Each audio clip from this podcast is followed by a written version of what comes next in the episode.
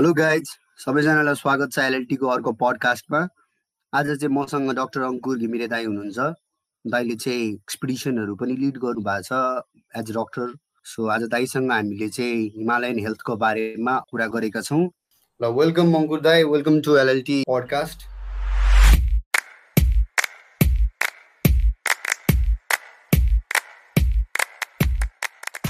thank you so much thank you so much Vinayak दाइ अनि तपाईँले यो ट्राभलिङको सनक चाहिँ कहिलेबाट चढ्यो त नि ट्राभलिङको सनक भनेर एकदम राम्रै शब्द प्रयोग गरे तिमीले ट्राभलिङ एक्चुली सनकै हो या त्यो हुन्छ नि हबी ह्यान ट्यान यो त्यो त्यो भनेको चाहिँ सुनाउने कुरा हो होइन तर ट्राभलिङ चाहिँ सनकै हो। मलाई सनक चढेको अराउन्ड आजभन्दा आठ नौ वर्ष अगाडि होला। मैले एमबिबिएस टिकै जोइन गरेको थिएँ सेकेन्ड इयर पुगेको थिएँ। अनि हाम्रो एउटा एकदम टफ इक्जाम हुन्छ क्या त्यतिखेरको। फिफ्थ सेमेस्टर थर्ड इयरको फर्स्ट इक्जाम त्यो सकाएँ मैले। ल्याङवाला इक्जाम भन न अब त्यो इक्जाम सकियो। अनि अब I wanted to go around के? यो धरान चाहिँ छोडेर जाऊँ मैले धरानबाट एमबिबिएस गरेको। अनि धरान चाहिँ छोडेर टाढा कतै जाऊँ भनेर लागिरहेको थियो। अनि मेरो मनमा चाहिँ पहिल्यैदेखिको डेस्टिनेसन रारा रारा पुग्नु जसरी पनि पुग्ने। अब कोसँग जाने कसरी जाने कहिले जाने केही पनि प्लान थिएन तर जाने भनेर चाहिँ छोड्थेँ म। अनि त्यसपछि ठ्याक्कै इक्जाम पनि सकियो। अनि ल त रारा त जानु जाने अब कोसँग जाने भन्ने जस्तो कुरा आउँछ पहिला केटाहरूलाई सोधिएको थिएँ कोही जाने भन्दाखेरि नो बडी वाज इन्ट्रेस्टेड के? हुन्छ नि अब त्यो। तिमीले भने जस्तै सबैजनालाई सनक हुँदैन क्या। सन्किने मान्छे एकदम कमै हुन्छ। म सन्किए म जान्छु भनेर। अनि त्यसपछि म एक्लै हिँडिहालेँ। सामान सामान प्याक गरेँ। लगभग दुई बजे मेरो इक्जाम सकेको थियो क्या अनि झ्याप्प रुम आएँ प्याक गरेँ अनि इटरी गएँ। इटरीबाट नेपालगञ्जको गाडी चढ्नुपर्छ भन्ने मात्रै थाहा छ रारा जानलाई त्योभन्दा अगाडिको बाटो चाहिँ थाहा छैन है। अनि त्यसपछि ल ठिक छ भनेर अनि कोवलपुरसम्म नाइट बसमा भोलि बिहान पुगेँ। अनि वाट एक्लै। Obviously what I was thinking कि मैले चाहिँ के सोचेको थिएँ भने अब कोवलपुरबाट म बिहान भोलि कोवलपुर पुगिहाल्छु अनि दिनभरि कोवलपुर बसेर नाइट बस चढ्यो भने पनि डेढ दिनमा त टक्क आएर पुगिहालिन्छ दुई दिन घुमिन्छ पुरा हुन्छ नि पुरा प्लान छ आफ्नो यस्तो टाइपको टोटल प्लानमा टक्क कोवलपुर पुगेँ अनि साँझमा गाडीबाट उत्रिएँ टक्क स्लिपिङ ब्याग थियो just I was kind of prepared मेरो लागि चाहिँ। स्लिपिङ ब्याग थियो खानेकुराहरू पनि हल्का बोकेको थिएँ हल्का पैसा बोकेको थिएँ। अनि घरमा चाहिँ अब साथीहरूसँग गएको छु भनेको थियो। त्यही त हो नि। भन्न पनि मिल्दैन जान दिँदैन। अनि त्यसपछि बस स्टपमा गएर टिकट काट्ने ठाउँमा गएर अनि रारा राराको टिकट दिनु भने क्या। आउ नाइ भाइ भयो होइन। राराको टिकट दिनुहुन्न भाइ रारा त गाडी जाँदैन। भन्छ ल सिरियसली। आफू अब हेरे गाडीमा जाने उहाँ पुग्ने प्लानमा आएको मान्छे। रारा त गाडी जाँदैन भन्छ नि। कहाँ जान्छ त गाडी भनेको नि? राराको नजिकैसम्म जान्छ। गमगढी भन्ने ठाउँ जान्छ यहाँ त्यहाँ जान्छ भन्नु थाल्यो। अनि त्यसपछि चाहिँ हुन्छ त मलाई टिकट दिनु। कति दिन लाग्छ भनेको दुईदेखि अढाई दिनमा चाहिँ पुगिन्छ कि नत्र तिन दिनमा पुगिन्छ भन्छ गाडी। आफूसँग एकदम कम टाइम थियो। अनि त्यहाँ त्यो दिन चाहिँ मलाई रियलाइज भयो क्या ट्राभलको बारेमा फर्स्ट थिङ भनेको ट्राभल सनक भए पनि प्लान्ड हुनुपर्दो रहेछ क्या सन सनक। अनप्लान्डले दुःख पाइन्छ। अब त्यहाँ मैले दुःख पाएँ फर्स्ट थिङ जाने नै नजाने कि नजाने जस्तो भयो नि। सात दिनमा फर्केर कलेज पुग्नुपर्छ तिन दिन त पुग्नै लाग्छ अरे भन्ने जस्तो भयो। अनि लकिली एउटा त्यहाँको लोकल मान्छे भेट भयो लोकल मान्छेले चाहिँ मलाई के सुझाव दियो भने हिँडेर जाउँ अर्को सन्की आइडिया अब हेर हिँडेर जाउँ रारासम्म हिँडेर जाउँ म जुम्लासम्म जान्छु हिँडेर तपाईँले रारा जाने बाटो देखिदिन्छु बिचबाट छुट्टीलाई भन्यो। म पनि भर्खरको यङ जोसमा थिएँ ल जाउँ न त हिँडेर भनेर गएँ। नेपालगञ्जबाट सुर्खेत गाडीमा गएँ। अनि सुर्खेतबाट हिँड्न थालेको। सुर्खेतबाट दैलेख दैलेखबाट कालीकोट कालीकोटबाट जुम्ला जुम्लाबाट मुगु पुग्ने प्लान प्लान मात्रै। अनि त्यहाँबाट हिँड्न थालेपछि के भयो भने बाटोमा एउटा ठुलो लेक आउँदो रहेछ क्या। अनि त्यसपछि त्यो मान्छे अब रेगुलर हिँडिरहेको मान्छे भनेर मैले आश गरेँ उसले बाटो साटो देखाउला भनेर गयौँ पनि जानलाई। अनि एउटा गोठमा बास बस्यौँ एक दिन अनि भोलिपल्ट चाहिँ we're going over the pass अनि त्यो पास जाने क्रममा चाहिँ के भयो भने पुरा हिउँ थियो क्या बाटोमा एकदमै धेरै हिउँ। घुँडा घुँडा भन्दा माथि आउने हिउँ थियो अनि उकालो बाटो थियो। अनि त्यो मान्छे बाटो झुक्किन थाल्यो अब हेर अनि त्यतिखेर मैले के थाहा भयो भने त्यो मान्छेले धेरै अगाडि हिँडेको रहेछ कि त्यो बाटो बच्चा हुँदाखेरि हिँडेको बाटोमा अब अहिले त झुक्किने भइहाल्यो नि मान्छे। अनि हामी झुक्किँदै लड्दै र पढ्दै मात्र दुईजना छौँ। त्यो lake around thirty five hundred मिटर्सभन्दा प्लसको अल्टिट्युडमा थियो। कसो कसो गरेर विनायक माथि त पुग्यो पासमा त पुग्यो हेर है। अब पासमा पुगेपछि ब्लिजर्ड आयो क्या स्नो स्टोम पुरा भिजिबिलिटी नै छैन। अराउन्ड एक डेढ मिटरको मात्रै भिजिबिलिटी छ क्या। अनि त्यो मान्छेले मलाई समात्दै समात्दै कसो कसो गरेर एउटा गोठसम्म पुऱ्यायो। अनि त्यसपछि त्यो गोठमा हामीले आगो सागो जलायौँ। अनि बाहिरबाट हिउँ ल्याएर पकालेर पानी सानी खायौँ होइन? अनि त्यसपछि त्यो मान्छेले के भन्छ भने डाक्टर साहब अब यहाँ त कहिले रोकिन्छ? यसको त भरै छैन। रोकिएपछि मात्रै जाने भन्छ। अब ऊ त सुत्दियो। ऊ त रेगुलर त्यहाँको मान्छे मजासँग त्यो परालमा सुत्दियो। अब मलाई तनावमा साला मर्ने भयो जस्तो लाग्यो अनि एउटा डायरी लिएर आएको थिएँ। मैले डायरीमा लेखेँ क्या मैले त्यो दिन त्यो दिनको नोट मसँग अझै पनि छ। डायरीमा म मर्छु होला जस्तो। फ्यामिलीले पनि त्यहाँदेखि तनावमा थिएँ अनि लेख्यो अरे रुन मन लागेको छ है। किन आएछु? के गर्न आएछु? यहाँ एक्लै घरमा चारजनासँग आएको छु। भनेछु अब मर्ने बाँच्ने ठेगान छैन। घरमा कसरी खोज्छन् होला? फोन पनि स्विच अफ छ। त्यस्तो भयो भने। That was one of the nightmare क्या मेरो लागि। अनि त्यसपछि त्यहाँबाट फर्केर कसो कसो गरेर जोस् आइयो म त्यो त्यो फर्स्ट टाइम चाहिँ रारा पुगिनँ। पुग्न सक्नु भएन फर्किनु भयो त्यहाँबाट पुग्न सकिनँ नि यार त्यो पास चाहिँ क्रस गरेँ त्यो पास क्रस गरेपछि आई वाज मेन्टली एक्जस्टेड क्या फिजिकली भन्दाखेरि पनि। भन न डायरी लेखेको चाहिँ यार कोही मान्छेले मसँग त्यो स्टिल डायरी चाहिँ मैले भने नि मरे भनेर डायरी लेखेको। मुभीहरूमा हुन्छ त्यस्तो कुरो त। अनि त्यसपछि त्यहाँदेखि नो रारा आजको लागि होइन कुनै दिन पछि फेरि जुरेछ भने आउँछु भनेर गएँ। अनि त्यसपछि धरा नै फर्केर आएँ। त्यो चाहिँ मेरो फर्स्ट सनक थियो क्या ट्राभलको अनि त्यहाँबाट मैले धेरै कुरा सिकेँ क्या। त्यसपछि दाइ अनि प्लान गरेर प्लान गरेर अनि दाइ कहिले? पुगेँ नि यार। प्लान गरेर तिन वर्षपछि रारा पुगेँ। मलाई रारा यति मनैदेखि जानु मन लागेको ठाउँ कि पछि मैले मुगुमा गएर एक वर्ष काम पनि गरेँ। एकदम रुरल पिएचसीमा गएर एक वर्ष सेक्लुडेड भएर काम पनि गरेँ। त्यसपछि मलाई काठमाडौँ आएँ। त्यो जुस जुन मेरो इन्कम्प्लिट ट्राभल थियो त्यसले चाहिँ मलाई लाइफमा ठुलो किक दियो जियोस् त्यसरी नै सुरु भयो यार मेरो सनक त। खासै हुन्छ नि एउटा अलिक एनेक्डोटै जस्तो भयो क्या सुन्दाखेरि त्यहाँदेखि चाहिँ हल्का हल्का ट्राभल गर्दै आइएको छ। यताउता अब जोस् रेगुलर एभरेज मान्छेभन्दा अलिक धेरै नै ट्राभल गरेको छु भनेर भन्न चाहिँ सक्छु म पनि। मुगुमा हुँदाखेरि गएँ बडी मालिका घुम्न गयो एकदमै ब्युटिफुल प्लेस रहेछ। अनि मुगुबाट रारा टु फोक्सुन्डोको एउटा फोर्टिन डेजको सर्किट छ। त्यो पनि अलमोस्ट ब्याक प्याकिङ गरियो होइन। अराउन्ड अन्नपूर्ण गयो गोसाइकुण्ड गयो घुम्न पाउनु भनेको त मेरो लागि मलाई सोध्नुहुन्छ भने त होइन त्यो घुम घुम घुम्ने भनेपछि सबै कुरा बिर्सिन्छु क्या दाइ म त। त्यो घुम्ने भनेपछि घुम्ने त्यो त्यो त्यो जस्तो ब्लिस त्यो एकदम ब्लिसफुल एक्सपिरियन्स हो जस्तो लाग्छ क्या दाइ मलाई चाहिँ। ए ए त्यही त होइन हो पनि नि त कुरा त। त्यो भनेको त त्यो ट्राभल भनेको चाहिँ तिमीलाई धेरै कुरो सिकाउँछ क्या यसले। वे अफ लाइफै मान्छु म त काइन्ड अफ एकदम हो दाइ। अनि दाइ पछिबाट तपाईँले एक्सपिडिसनमा पनि डक्टर भएर काम गर्नुभयो भनेर भन्दै पनि हुनुहुन्थ्यो होइन। त्यो चाहिँ कस्तो एक्सपिरियन्स रह्यो त तपाईँको? त्यो चाहिँ मैले अब तिमीलाई अब हल्का अगाडिको ब्याकग्राउन्डै दिएर सुनाउँछु। मैले एक वर्ष मुगुमा काम गरेँ भनेर जुन तिमीलाई भने त्यतिखेर चाहिँ के भयो भने हामीले मैले एमबिबिएस चाहिँ सरकारी स्कलरसिपबाट गरेको धरानमा होइन? अनि सरकारी स्कलरसिपबाट एमबिबिएस गरेपछि डक्टरले दुई वर्षसम्म सरकारी सेवामा काम गर्नुपर्छ कि? करारमा। अनि त्यसपछि पहिलो एक वर्ष चाहिँ मलाई मैले पहिले भने तिमीलाई मेरो रारासँगको फेसिनेसन कस्तो थियो भन न त्यतिखेरै जान मन लागेको। फर्स्ट अटेम्प पनि फेल्ड भएको। सेकेन्ड अटेम्प्टमा बल्ल बल्ल पुगेको। अनि मलाई चाहिँ के थियो भने म रारामै गएर बस्छु। साला एक वर्ष बस्दिन्छु। चित्तै बुझोस् न रारा त भन्ने जस्तो थियो क्या पहिलेदेखि। अनि गएँ जहाँ चाहिँ जहाँबाट हाम्रो पोस्टिङ यहाँ जा त्यहाँ जा भनेर भन्थ्यो त्यो ठाउँमा गएँ। अनि सर मलाई त मुगु जानु छ खालि मुगुमा कतै भनेको। अब त्यहाँ मुगुमा डाक्टर जानै नखोज्ने पहिलो कुरो हेर होइन। अनि कोही डाक्टर आफै मुगु जान्छु भन्दै आछ भने त्यहाँ त पुरा खुसी क्या बुढाहरू त। ए भइहाल्छ नि डाक्टर साहब मुगुमा त कति ठाउँ छ टाइपको त्यसपछि भन्नु नि त कुन ठाउँ छ भन्यो अनि कोट डाँडा भन्ने एउटा पिएचसी छ डाक्टर साहब। अलि अप्ठ्यारो छ तर मुगुमै भनेको अनि मैले केही सोधिनँ ल दिनु मलाई कोट डाँडा दिनु म कोट डाँडा जाने भएँ। भन्यो त्यो त एकैछिनमा बनाइदिइहाल्यो नि उसले त खुसी भएर साइन गर ल तपाईँ आजदेखि कोट डाँडा भनेर मैले काठमाडौँमा मैले बुझेँ। चिठी बुझेँ है। अनि घर गएँ घरमा गएर भने अनि म त कहाँ मुगुमा कोट डाँडा जाने भयो भनेको अनि घरमा हात दिन थाल्यो। कहाँ हो कहाँ कोट डाँडा? कहाँ हो कहाँ त? अब त्यो काठमाडौँमा बसेको रेगुलर मान्छेले त्यो ठाउँमा मान्छे कसरी बसिरहेछन् भनेर सोच्नै सक्दैन क्या। त्यति टाढा छ क्या। अब तिमी रारा पुग्नलाई यहाँबाट टु डेज झन्डै झन्डै लाग्छ गाडीमा होइन? रारा पुगेपछि पनि वान एन्ड हाफ डे हिँड्नुपर्छ क्या मेरो पिएचसी पुग्नलाई त्यति टाढा हो भनौँ न। अनि म त्यहाँ गएँ त्यहाँ पुग्दाखेरि म कसो कसो गरेर मेरो पिएचसी पनि पुगेँ। मेरो पिएचसीमा पुग्दाखेरि के थाहा भयो भने मेरो पिएचसीमा दस वर्षपछि पुगेको पहिलो डाक्टर म थिएँ क्या। किनभने त्यो ठाउँ यति टाढा थियो कि I do not blame anybody क्या त्यहाँ नपुग्नुमा। किनभने त्यो ठाउँ यति टाढा छ कि त्यो रेगुलर सनाक नभएको मान्छे पुग्दैन पनि होला जस्तो लाग्छ। म के सन्केर पुगेँ? पुगेँ बसेँ पनि एक वर्ष बसेँ काम पनि गरेँ होइन? राम्रो पनि भयो। तर ठाउँ त्यस्तै अप्ठ्यारो। अनि त्यहाँ पुगेँ बसेँ।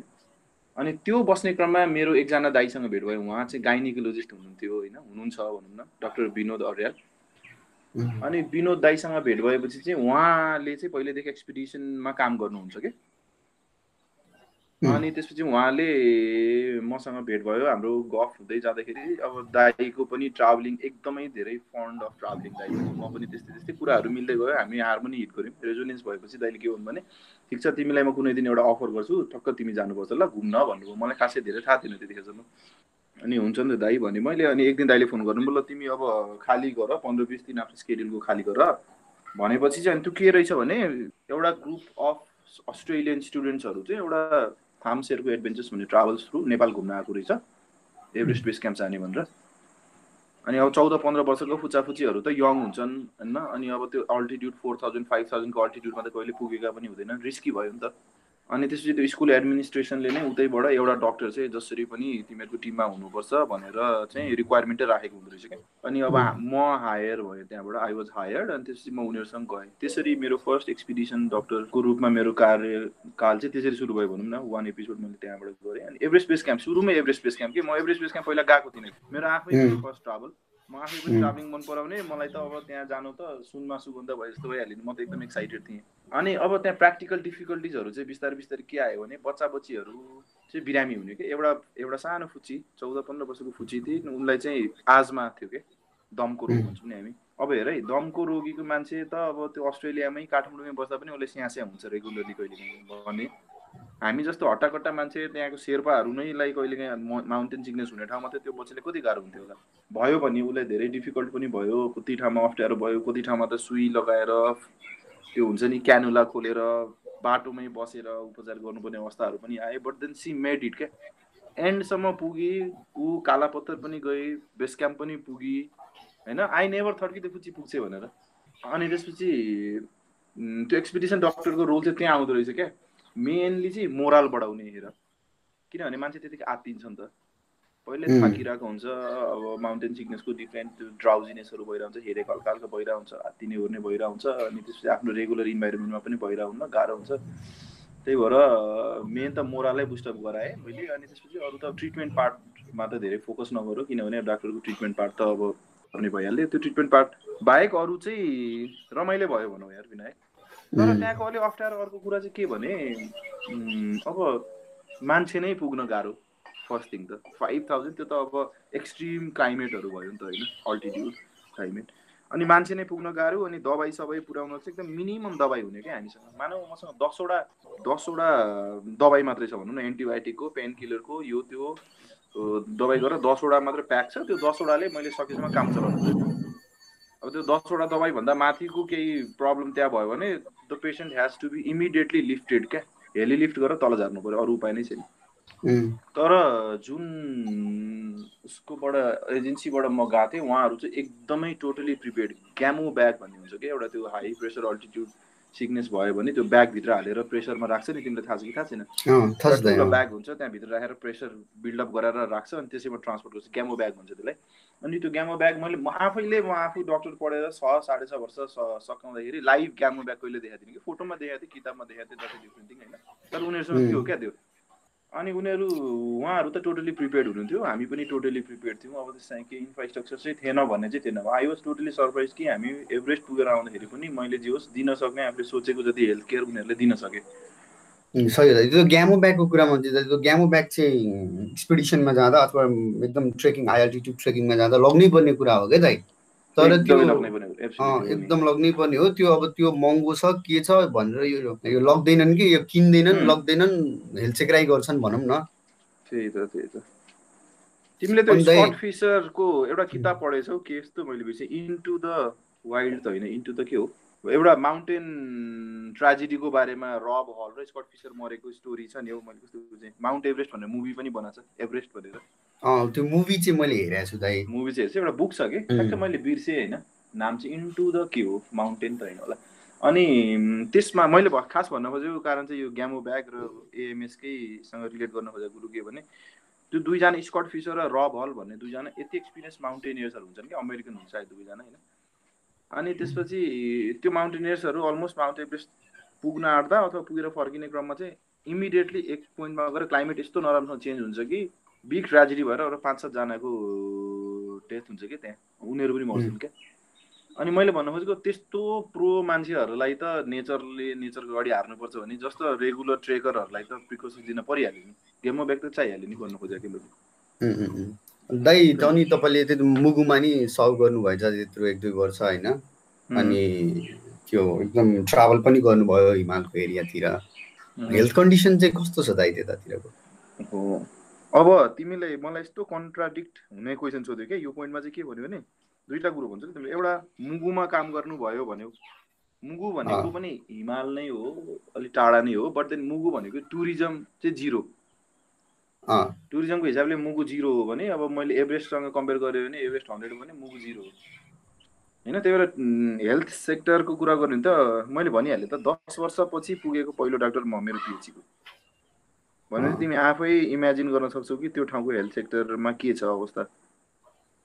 त्यहाँ दाइ मुगुमा काम गर्दाखेरि तपाईँले कतिजना जतिको कति कति थियो कस्तो थियो त्यहाँको पपुलेसन तपाईँले काम गर्ने एरियाको? मैले एउटा गाउँपालिका पुरै हेर्ने गरेर काम गरेको त्यहाँ होइन एउटा भेग भनौँ न खत्याड भन्छ त्यो भेगलाई। खत्याड भेगमा एउटा मात्रै हेल्थ सेन्टर छ। त्यो हेल्थ सेन्टरमा डक्टरको दरबन्दी हुने भनेको म बस्ने ठाउँमा मात्रै हो पिएचसीमा अनि त्यहाँबाट झन्डै झन्डै दस हजार पाँचदेखि दस हजारको पपुलेसन थियो होला यार मलाई जहाँसम्म लाग्छ। तर एक्ज्याक्ट भन् भनेर फिगरमा त मैले दिन सकिनँ। फाइभ टेन थाउजन्डको पपुलेसन थियो होला टोटल भेगमा। अनि त्यहाँको एउटा मात्रै पिएचसी मेरो थियो। अनि खासै अब यस्तो थियो कि डेढ दिन लाएर हिँड्नुपर्ने अनि त्यसो विन्टर्समा बाटो पनि बन्द हुने खचड सचड पनि हिँड्न नसक्ने टोटल्ली कट अफ क्या हामी त सिभिलाइजेसनबाट।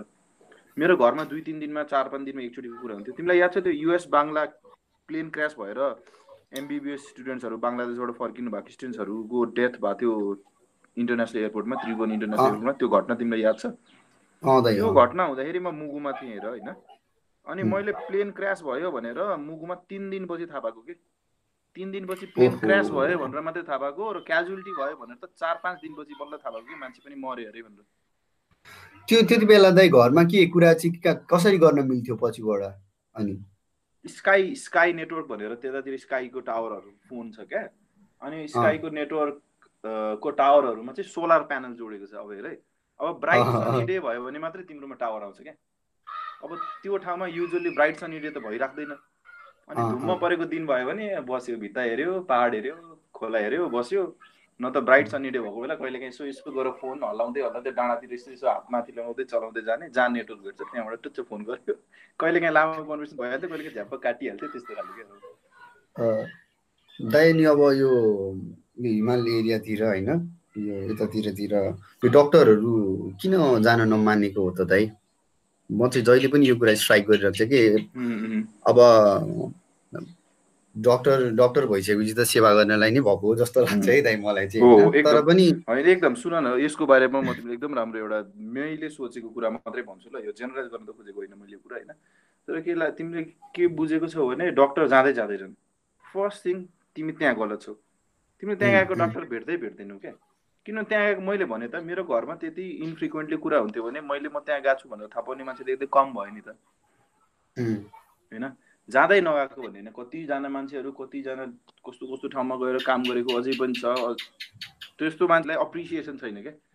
अनि अब अन्डर अप्रिसिएटेड भएपछि मान्छेले थाहा पनि पाउँदैन थाहा नपाएपछि अनि मान्छे जाँदै गएन भन्ने पनि भयो नि त। फर्स्ट थिङ त त्यो भयो है। अब सेकेन्ड थिङ हामी कहिलेकाहीँ फिल्महरूमा मुभीहरूमा स्विजरल्यान्ड देख्छौँ अनि स्विजरल्यान्ड आहा कति राम्रो ठ्याक्कै नेपालको जस्तै पहाड नेपालको जस्तै जोग्राफी भन्छौँ नि। त्यो नेपालको जस्तो जोग्राफी छँदै छैन कि?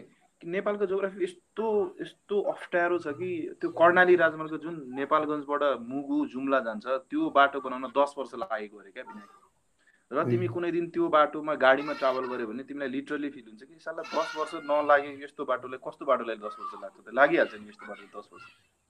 त्यस्तो औडा छ क्या हाम्रो जियोग्राफी अनि अब जहाँ पनि मान्छेले गएर खोज्ने भने त सुख सुविधा एटलिस्ट बेयर मिनिमम भन न। म त बेयर मिनिमममा पनि बाँचेको होइन क्या। मुगुमा हुँदा एक वर्ष मैले बेयर मिनिमम पाउने सुविधा पनि पाएको थिइनँ। तर not everybody is prepared कि म बेयर मिनिमम पनि नहुँदाखेरि त्यहाँ गएर एक वर्ष बस्छु भनेर तिमी पनि सक्दैनौ होला अथवा कोही एउटा रेगुलर मान्छे सक्दैन क्या। अनि हामी अहिले कहिले काहीँ अलिक ओभर एक्सपेक्टेसन्स पनि राखिदिइहाल्छौँ कि आफूले अथवा त्यो ठाउँमा के छ त कसरी गएर बस्ला के गर्ला भनेर नहेर्ने गइ जानै पर्छ। खाए खा नखाए घिच गरेर गर्न सकिँदैन नि। गर्न सकिन्छ त भन्नु त।